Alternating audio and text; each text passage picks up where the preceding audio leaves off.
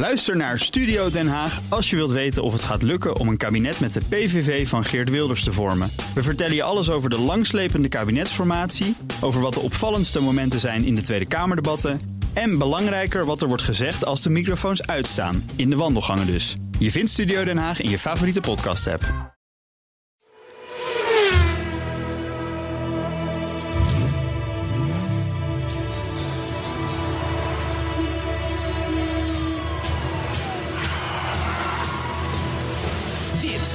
De enige echte Petrolhead podcast van Nederland.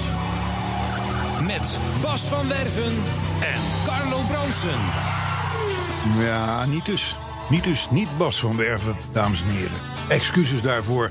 Postcat, podcast 49 zal worden gedaan. Alleen door mij is minder leuk, ik geef het toe. Maar Bas is even geveld door ziekte. En natuurlijk hebben we wel André Dortmund. André, de machinist. Welkom.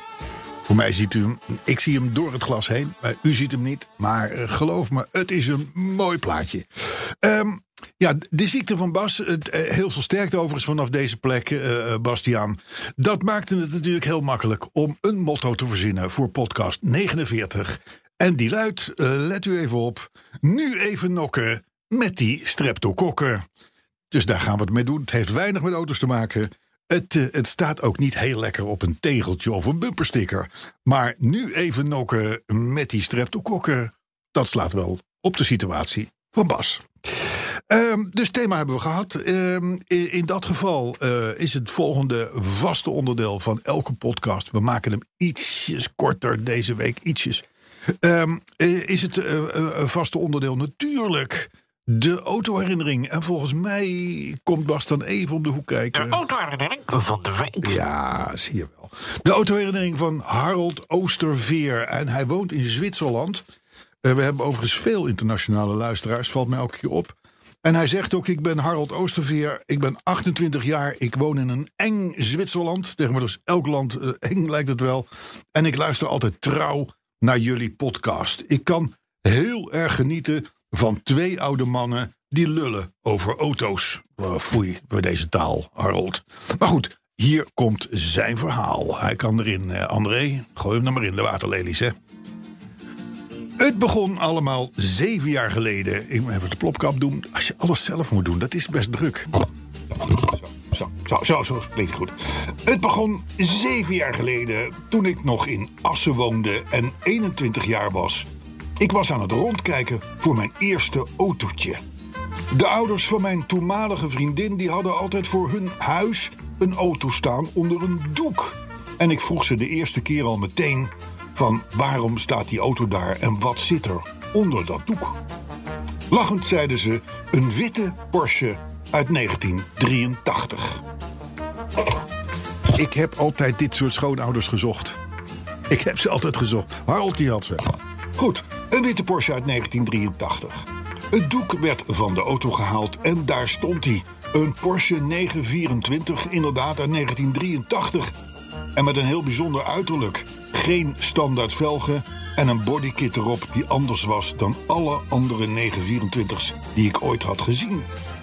Ik mocht zowaar een stukje rijden in de Porsche en meteen sloeg de vonk over als ik ooit de kans zou krijgen. Na een paar maanden ging de Porsche de verkoop in en dat was mijn kans. Ik kocht de auto en ik was helemaal in de zevende hemel. In de zomer was het heerlijk genieten met het targadak eraf en lekker toeren door het Drentse platteland. Alleen toen de winter aanbrak, begon ook meteen de ellende. De accu had het begeven en ik had geen achteruitverwarming, want het relais was doorgebrand. Ik was de koning op de weg. Toch, hè, ondanks die mankementen. Ik was de koning op de weg met mijn Porsche. Maar ook een jong iemand die meteen veel te veel geld uitgaf aan zijn auto. Tripjes naar mijn ouders in Lisse waren dure weekendjes. Ik stond vaak bij de tank te huilen dat er weer 100 euro was verdampt in één weekend tijd. Na een half jaar begon ik toch wat gebreken op te merken. Zoals het alarmsysteem dat wel eens afging op de snelweg. Waardoor ik een soort van kerstboom op wielen werd. Met veel geluid daarbij. En met regen. Ja, met regen werden mijn voeten altijd nat tijdens het rijden. bij ongeveer 93 km per uur. Daar heb ik me over verbaasd, André. Het, het, je voeten worden nat als je 93 km per uur rijdt. Ik zou zeggen, ga dan 94 km per uur rijden. Maar goed, nou, in, in, ieder geval, dat was dus wel het geval. Plopkap er weer op. De tweede winter was het helemaal een drama. Als de temperatuur onder minus 5 kwam, dan startte de Porsche helemaal niet meer en moest de jumpstarter dienst doen. Na die winter besloot ik om mijn Porsche te verkopen en heb ik, André let even op, en heb ik er een Fiat Panda voor teruggekocht. Gaat hij weer op die plopkap? Je hebt een witte Porsche 924, hoe oud ook. Die, op een gegeven moment worden die auto's wat houterig, dus die doe je weg. En dan koop je de Panda. Apart. Heel apart, Harold Oosterveer. Ja, goed, hij woont in Zwitserland. Um, goed, uh, kocht hij er een witte Fiat Panda voor terug. Maar tot op de dag van vandaag mis ik mijn Porsche. Die auto had zoveel karakter. Het was weliswaar een verzameling van Audi, Volkswagen en Porsche techniek, maar toch. Vorige week, vorige week heb ik ook afscheid moeten nemen van het trouwe Fiatje dat daarna kwam. En inmiddels rijd ik in een witte Volvo V60. Maar man, man, man, wat mis ik die Porsche nog steeds met al zijn gebreken. Gelukkig mag ik af en toe nog in de Volvo van mijn oude heer rijden. Een 940. En ook dat is een auto met veel karakter. Cheers uit Zwitserland. Harold Oosterveer. Mooie herinnering. Ik blijf het raar vinden dat je van een Porsche naar een Panda gaat. Allitereert wel lekker trouwens. Maar, uh, maar uh, ja, dan kan ik me voorstellen dat het verlangen naar, de auto blijft. Maar mooi, Harold, dankjewel voor je uh, autoherinnering. Hartstikke goed. Dan hebben we nog een paar nieuws. Doen een paar nieuwtjes, niet al te veel. Is ook niet zo heel veel gebeurd voor, deze, voor deze podcast. Maar er is in ieder geval goed nieuws voor de liefhebbers van de Ford Mustang. En dat vinden André en ik allebei een mooie auto. Trouwens, Bas ook. Bas zit vast te luisteren ook. Hè. Um, wat is namelijk het geval? Volgens uh, de Britse collega's van ons uh, uh, wordt de Mustang binnenkort ook leverbaar in een iets verlengde uitvoering en dan met vier deuren. Het een typische Amerikaanse sportwagen, twee deurs, al sinds mensenheugenis jaren 60. Daar zou dus nu ook een vierdeursversie van komen. En dat is natuurlijk logisch, wie nemen ze dan op de korrel? Luisteraars, u kunt het al invullen. En André ook, alhoewel hij met enorme vraagtekens zit te kijken. Hij heeft geen idee. Uh, Porsche Panamera natuurlijk. En de Audi A7. Dat zijn dan de twee grote auto's waarop gemikt kan worden. En aangezien een Mustang over het algemeen de helft kost van zo'n Porsche. Uh, je, ja, wie weet. Mooie auto trouwens hoor, die Mustang. Dan de Italiaanse Carabinieri, de politie. Die, uh, die heeft een aantal jeeps gekocht. En dat is best vreemd op het eerste, ogen, uh, op het eerste gezicht voor een Italiaanse overheidsinstantie. Maar Jeep is natuurlijk samen met Chrysler ooit gekocht door Fiat. En dus zien de Italianen het nu als een soort van Italiaans merk, Jeep. Hè? Kun je je voorstellen? Dat zijn die die in bouwpakketten in de Tweede Wereldoorlog werden afgestort in geallieerd gebied. Uh, maar goed, in ieder geval Jeep, vooruit maar Italiaan, Italiaans merk. Caramiere heeft er 19 hele bijzondere auto's gekocht. Die worden door het hele land gestald. En dan wordt het natuurlijk spannend. En, um, en, en ze worden speciaal gebruikt voor de antiterrorisme-eenheden. Het zijn zwaar gepantserde jeeps. Uh, um, het, ze zijn donkerblauw, dus als je iets donkerblauw ziet aankomen, hoog, een soort van flatgebouw, uh, met veel blauw licht erop en, uh, en, en wat heel hard rijdt, dan, zijn dat, misschien, dan is dat misschien wel zo'n Grand Cherokee, zo'n gepantserde Grand Cherokee van de, ja, zeg maar de antiterrorisme-eenheid van de Carabinieri. Um, in ieder geval hebben ze ook een verzwaard onderstel. Want ze moeten natuurlijk veel meer gewicht mee torsen. Uh, de nodige pk's extra en allerlei hele spooky dingen in het, in het interieur. Trouwens, de Carabinieri heeft al veel meer jeeps gekocht hoor in de afgelopen jaren. Wranglers, Renegades. maar ook, en dat zal het Italiaanse hart goed doen, een hele zooi Alfa Romeo Giulia's.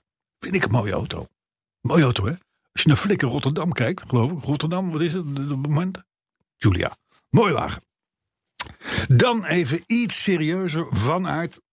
En dat is de WLTP-test. Dan moet je niet meteen nu die radio uitzetten en denken van laat hem maar brabbelen. Nee, de WLTP-test. Dat is iets wat ons leven, wat iedereen die met auto's te maken heeft, ongeveer beheerst op dit moment.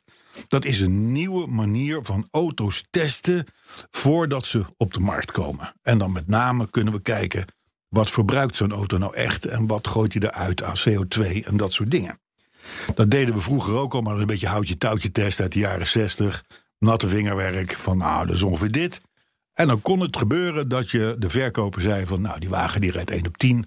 En dan lukte het jou niet om boven de 1 op 6 uit te komen in de praktijk. Nou, daar hebben ze een eind, het eind gemaakt. Dat WLTP-test. Die is wat realistischer. Nou, het vervelende is alleen, elk grammetje CO2 wat er in, in, in, door een auto wordt uitgestoten, dat wordt feitelijk belast door de overheid. Heb je een auto met heel veel CO2, uh, dan heb je per definitie een hele dure auto. Heb je een heel zuinig autootje met laag CO2, dan ben je goedkoop uit. Nou, dat is natuurlijk op zich best een, een, een, een handige meetmethode.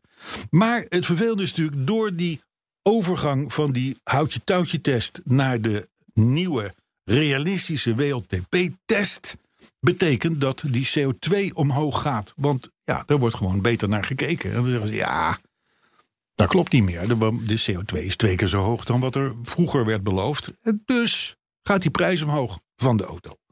Nou, even natuurlijk de RAI en de zeg maar de belangeninstanties... die hebben gezegd tegen de minister van... joh, luister niet voor het een of ander.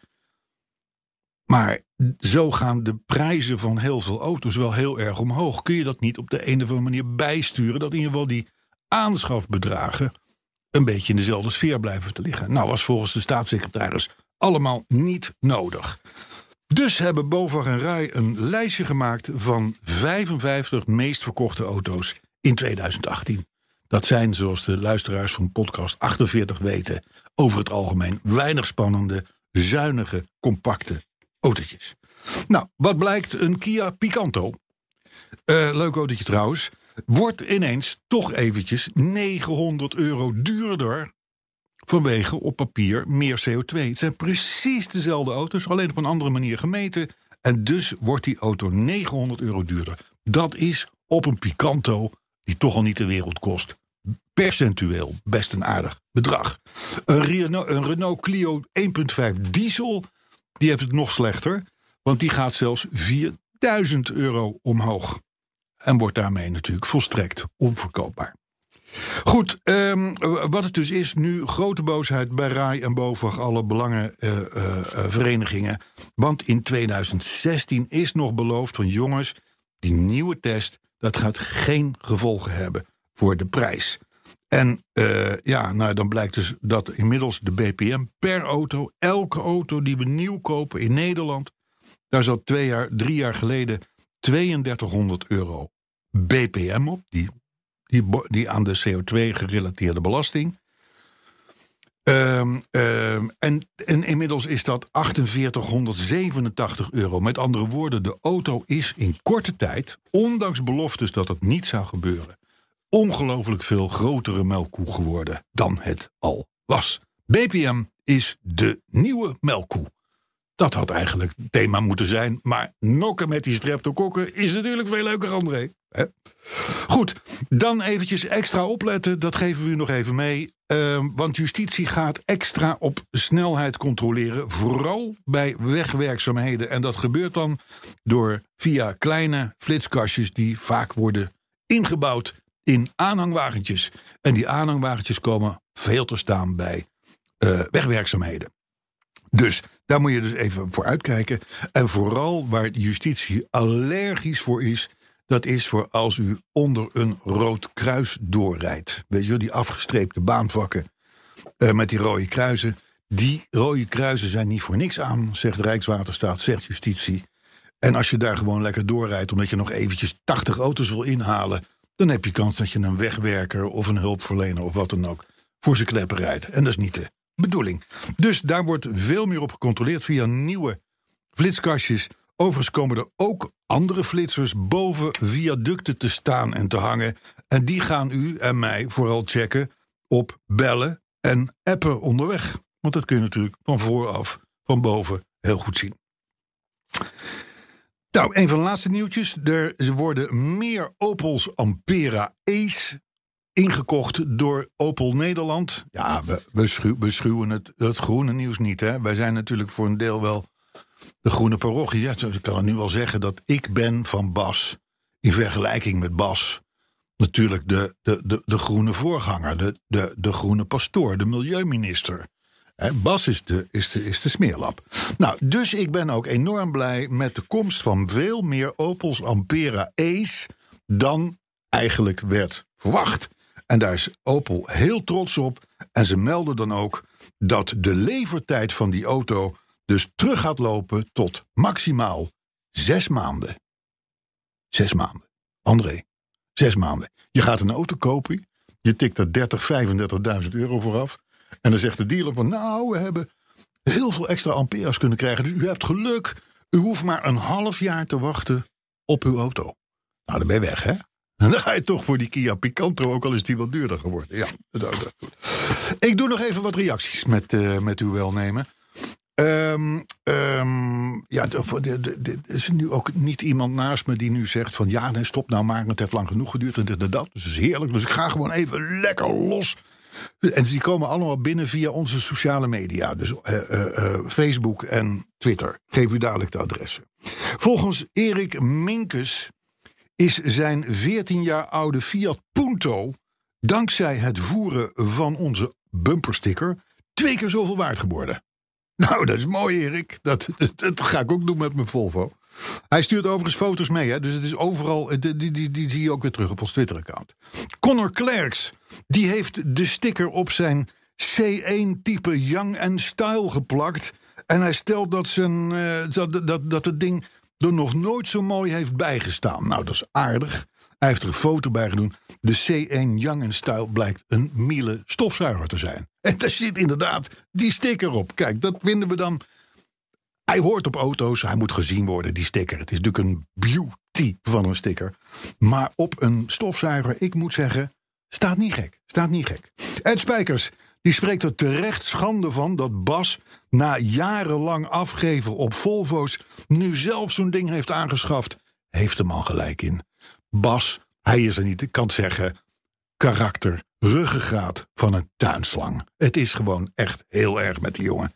Dus uh, echt Spijkers overigens vermoedt ook dat zijn afwezigheid deze week... dat het te maken heeft met het feit dat hij uit schaamte... dat hij nu zo'n witte Volvo ook heeft. Hè? Dus dat zou, zou, ja, zou kunnen, dat weet ik niet. Nou, Kemke Schilstraat tot slot... die heeft al bedacht wat er na onze bumperstickers... en Delsblauwe tegels moet komen. Mokken met onze levenswijsheden erop. Koffiemokken. Grote, witte, stevige koffiemokken. Hij heeft een fotootje bijgevoegd en van uh, uh, indrukje gemaakt. Facebook, dames en heren, zijn wij voor onze jubileumuitgave volgende week, podcast 50, te vinden. En dan heten we Wereld op Wielen. Facebook.com Wereld op Wielen. Twitter-account zijn we nog doller op. bnrpetrolheads.nl. En autoherinneringen die kunnen naar petrolheads.bnr.nl. Heb ik alles gehad. André, dankjewel. Bas, kom snel terug. Tot volgende week.